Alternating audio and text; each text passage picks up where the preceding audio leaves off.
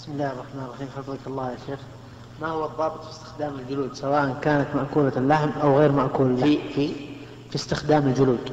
نعم. سواء هذه الجلود كانت جلود مأكول اللحم أو غير مأكول اللحم. وسواء كانت مدبوغة أو غير مدبوغة آه، أما جلود المذكات التي تحل بالذكاة فإنها طاهرة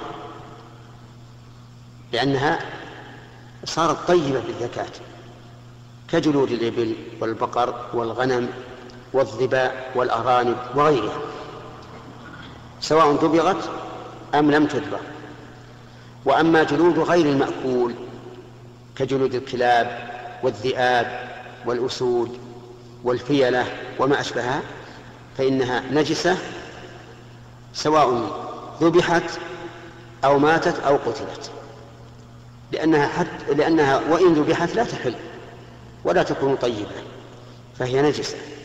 وسواء دبغت أم لم تدبغ على القول الراجح لأن القول الراجح أن الجلود النجسة لا تطهر بالدباغ إذا كانت من حيوان لا تحله الذكاة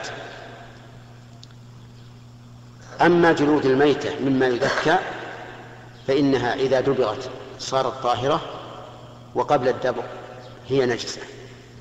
فصارت الجلود الآن على ثلاثة أقسام.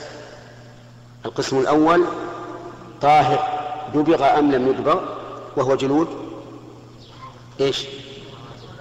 جلود الحيوان المذكى إذا إذا كان يؤكل. الثاني جلود لا لا, لا تطهر لا في لا بعد الدبغ ولا قبل الدبغ. بل هي نجسة وهي جلود ما لا يؤكل لحمه.